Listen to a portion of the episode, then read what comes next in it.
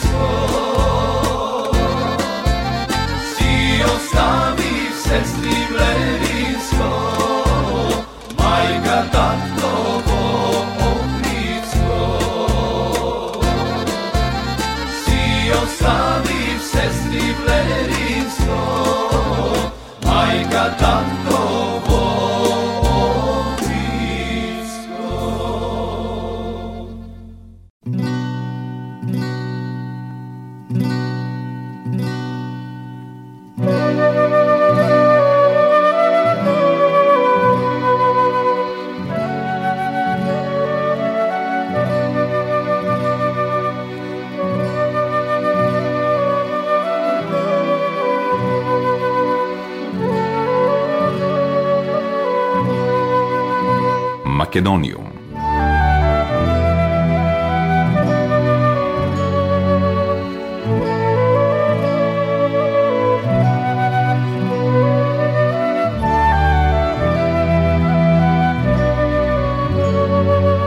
Добар ден и добре дојдовте во најновото издание на емисијата Македониум.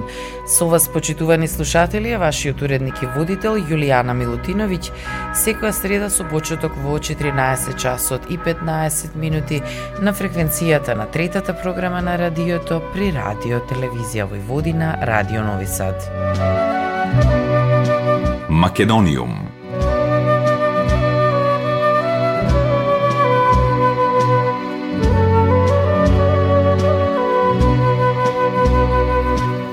Во Лесковачкиот културен центар беше отворена изложбата Can for Balkans, дел од истоимениот меѓународен проект во чија имплементација е вклучен и стрип центарот на Македонија со седиште во Велес.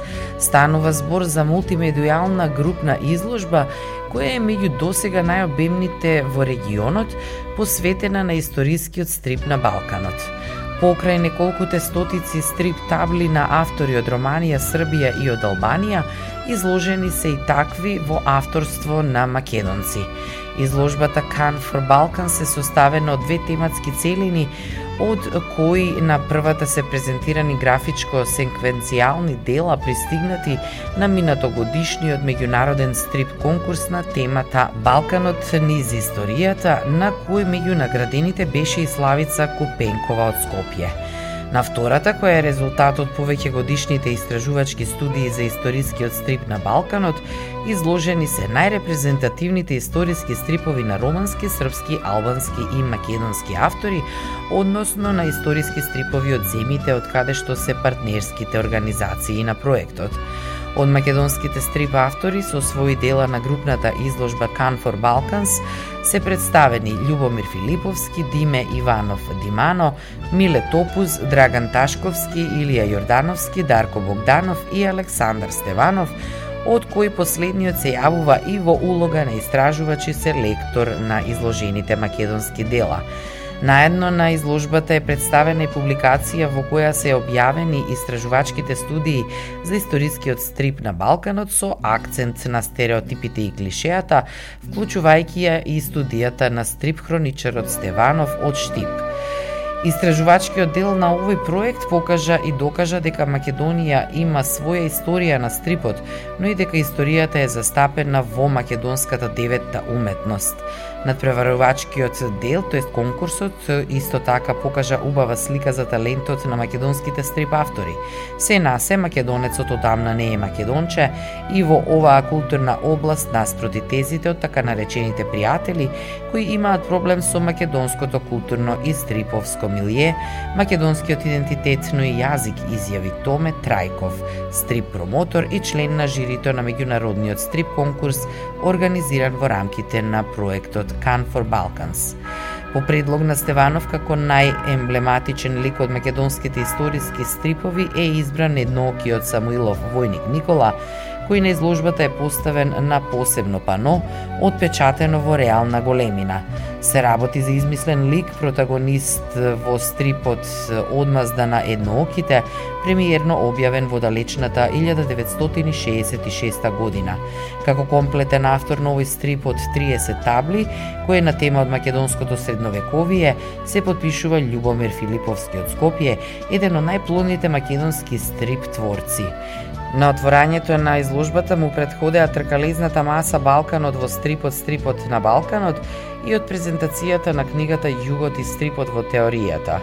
Осврнувајќи се на целите на проектот, непосредно пред отворањето на изложбата, беше одржана дебата на која учесниците дискутираа на темата за борба против стереотипите, клишеата и пропагандата во историските стрипови освен представници на партнерските организации на проектот, меѓу кои и Ване Трајков од Велес, на дебатата учествуваа и гости од Босна и Херцеговина и од Бугарија.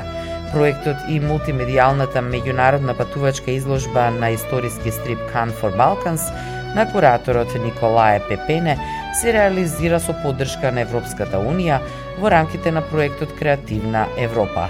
Покрај стрип центарот на Македонија од Велес, во него се вклучени и регионалниот музеј во Брашов, Националниот историски музеј во Тирана, Музеот на стрип во Брисел, како и Лесковачкото стрип училиште Никола Митровиќ Кокан.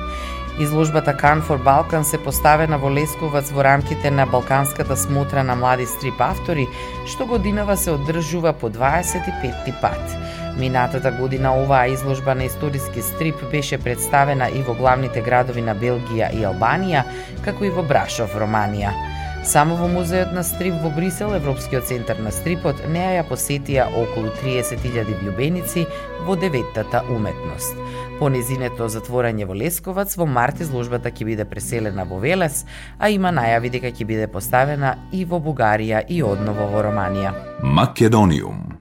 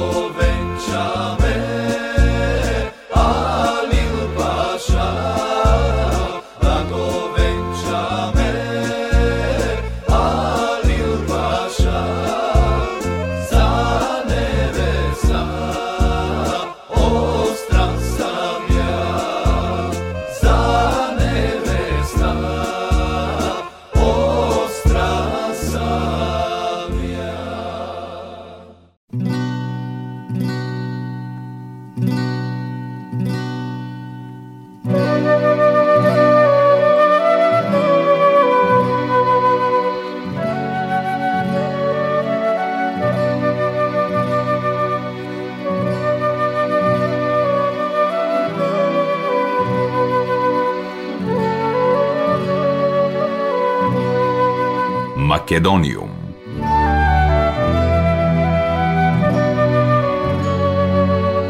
Министерката за култура на Република Северна Македонија Бисера Костадиновска Стојчевска во рамките на официјалната посета на Париз оствари средба со Ернесто Отоне, помошник генерален директор на УНЕСКО за култура и со директорот на Центарот за светско наследство на УНЕСКО Лазаре Елоунду Асомо. Во Охрид ќе отвораме канцеларија на УНЕСКО со што ги потврдуваме нашите заложби за јакнење, управување и промоција во зачувување на статусот на Охридскиот регион, истакна министерката Костадиновска Стојчевска. Во годината кога одбележуваме 30 години од нашето членство во УНЕСКО, на средбата беа поздравени напорите меѓу владите на националните комисии на Република Северна Македонија и на Албанија во однос на имплементација на препораките на УНЕСКО кои се однесуваат на Охридскиот регион. На состанокот Костадиновска Стојчевска посочи дека владата останува целосно посветена на успешната имплементација на Конвенцијата за светско наследство и во соработка со сите релевантни државни институции, општини, како и со граѓанското општество, ги интензивира напорите за имплементација на препораките што произлегуваат од одлуките на Комитетот за светско наследство и на рекреативните мониторинг мисии. Министерката за култура информира и дека како заеднички документ со Република Албанија е доставен ажурираниот извештај за состојбата со заштитата на природното и културно наследство во Охридскиот регион, како и напредокот во спроведувањето на препораките од одлуката на Комитетот за светско наследство со стратегискиот план за рехабилитација на природното и културно наследство во Охрид 2023-2030. Костадиновска Стојчевска истакна дека сме свесни за потребата од понатамошни континуирани напори во согласност со препораките за справување со идентификуваните ранливости, закани и изрази надеж дека на 45-тата сесија на Комитетот за светско наследство, што ќе се одржи во септември во Ријад, Саудиска Арабија, ќе се усвои одлука со која природното и културно наследство на Охридскиот регион ќе остане на листата на светското наследство.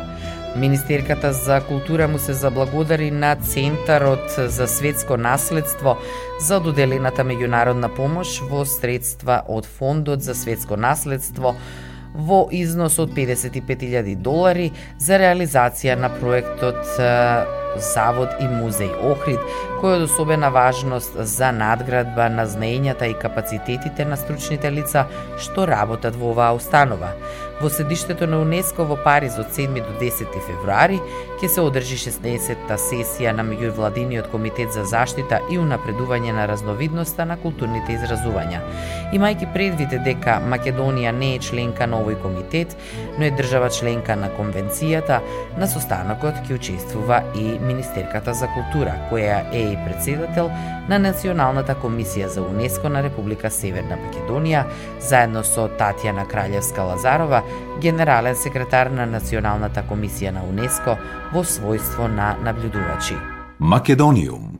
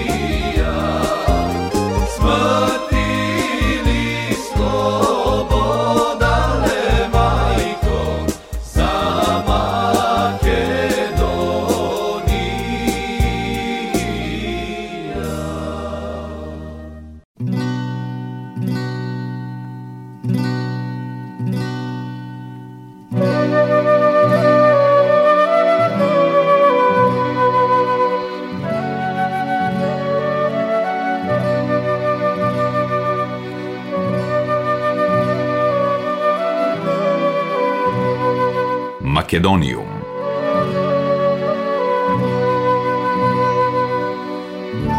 Ненадејно во 61-та година од животот почина врвниот македонски инструменталист и композитор, првенецот на танец и долгогодишен раководител на оркестарот, маестро Милан Завков – Почитувани со голема тага и во неверување ви ја пренесуваме жалната вест дека ненадејно во 61-та година од животот почина врвниот инструменталист и композитор, првенецот на танец и долгогодишен раководител на оркестарот Милан Завков, објави вчера утро националната установа ансамбл за народни игри и песни Танец од Скопје на својот официјален Facebook профил.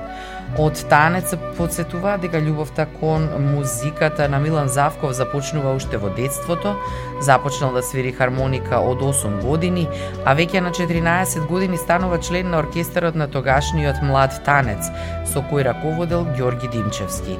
Потоа неговите младински денови ги поминува свирејќи во културно-уметничкото друштво Мирче Ацев, уште тогаш знаејќи дека музиката ќе стане негова животна и професионална определба. Во тоа време на Факултетот за музичка уметност во Скопје се уште не постоеле студии по хармоника и така Завков се определил за неговиот втор инструмент, контрабасот и со успех дипломира на одделот за гудачки инструменти. Без разлика на видот на дипломата, Милан Завков ја продолжи кариерата на својот прв и единствен избор хармоника и оствари неверојатно богата изведувачка, но и творечка кариера. Во 70-та година со популарниот октет Македонија ја сними својата прва плоча, а во својата долгогодишна кариера на полето на народната музика самостојно во различни соработки, како и со познатата група Македонски мерак, оствари врвни музички интерпретации и сигнификатен опус на композиции и аранжмани за бројни изведувачи, соопшти танец. Тој на сцената има соработувано со многу имиња, а зад него ќе останат над 150 авторски творби, многу трајни снимки и повеќе дискографски изданија. Меѓу нив се и врвните хит мелодии како Заиграј со мене одпеана од Виолета Томовска, Камен да беше срцето и свири мајсториот Госе Арнаудов, Нема друга Македонија од Војо Стојановски, Лична Јовано и Лазарополе од Наум Петрески, Пат за Стамболград и Мораш душо да ме разбереш од Благица Павловска, како и други создадени за Атина Апостолова, Пепи Бавтировски, Сузана Спасовска, Ленче Кукиќ, Миле Кузмановски, Зуица Лазова, Милица Кузмановска, Евто Пупиновски. Милан Завков низ годините се истакна и како солист инструменталист со многу ора и чочеци и се здоби со углед на еден од најдобрите хармоникаши во Македонија, но и на просторите на поранешна Југославија, се наведува во објавата на Танец. Од 2000-та година Милан Завков беше вработен во Националниот ансамбл за народни игри и песни танец, како музичар инструменталист, првенец и долгогодишен раководител на оркестарот, со кој оствари бројни концерти и турнеи во земјата и на секаде низ светот. На социјалните мрежи вчера утро музичари, колеги и обожаватели се простија од него, додека пак денес се одржа комеморативен собир во спомен на врвниот инструменталист и музички автор Милан Завков. Комеморацијата започна во 10 часот во фоајето на Националната опера и балет, а последното испраќање се одржа денеска во 12 часот во капелата на градските гробишта во Бутел во Скопје.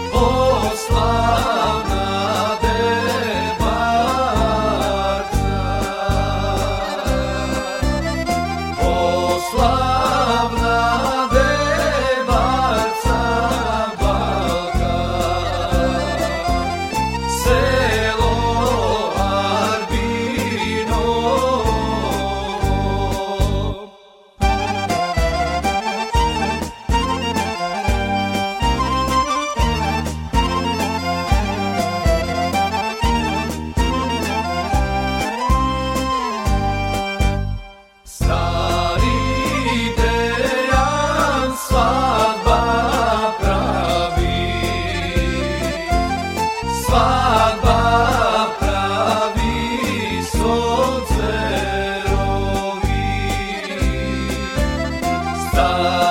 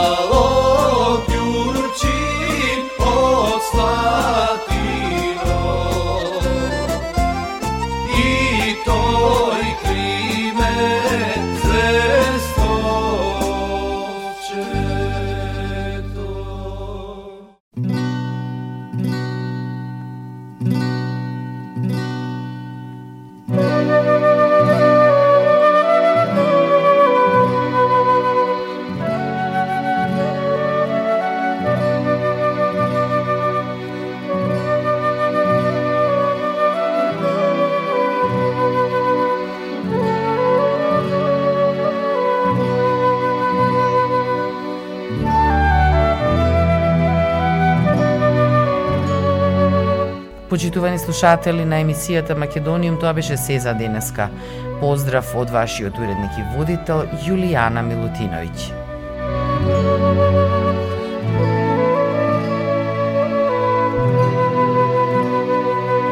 Ја следевте програмата на македонски јазик, емисија Македониум. Главен и одговорен уредник Воин Поповиќ.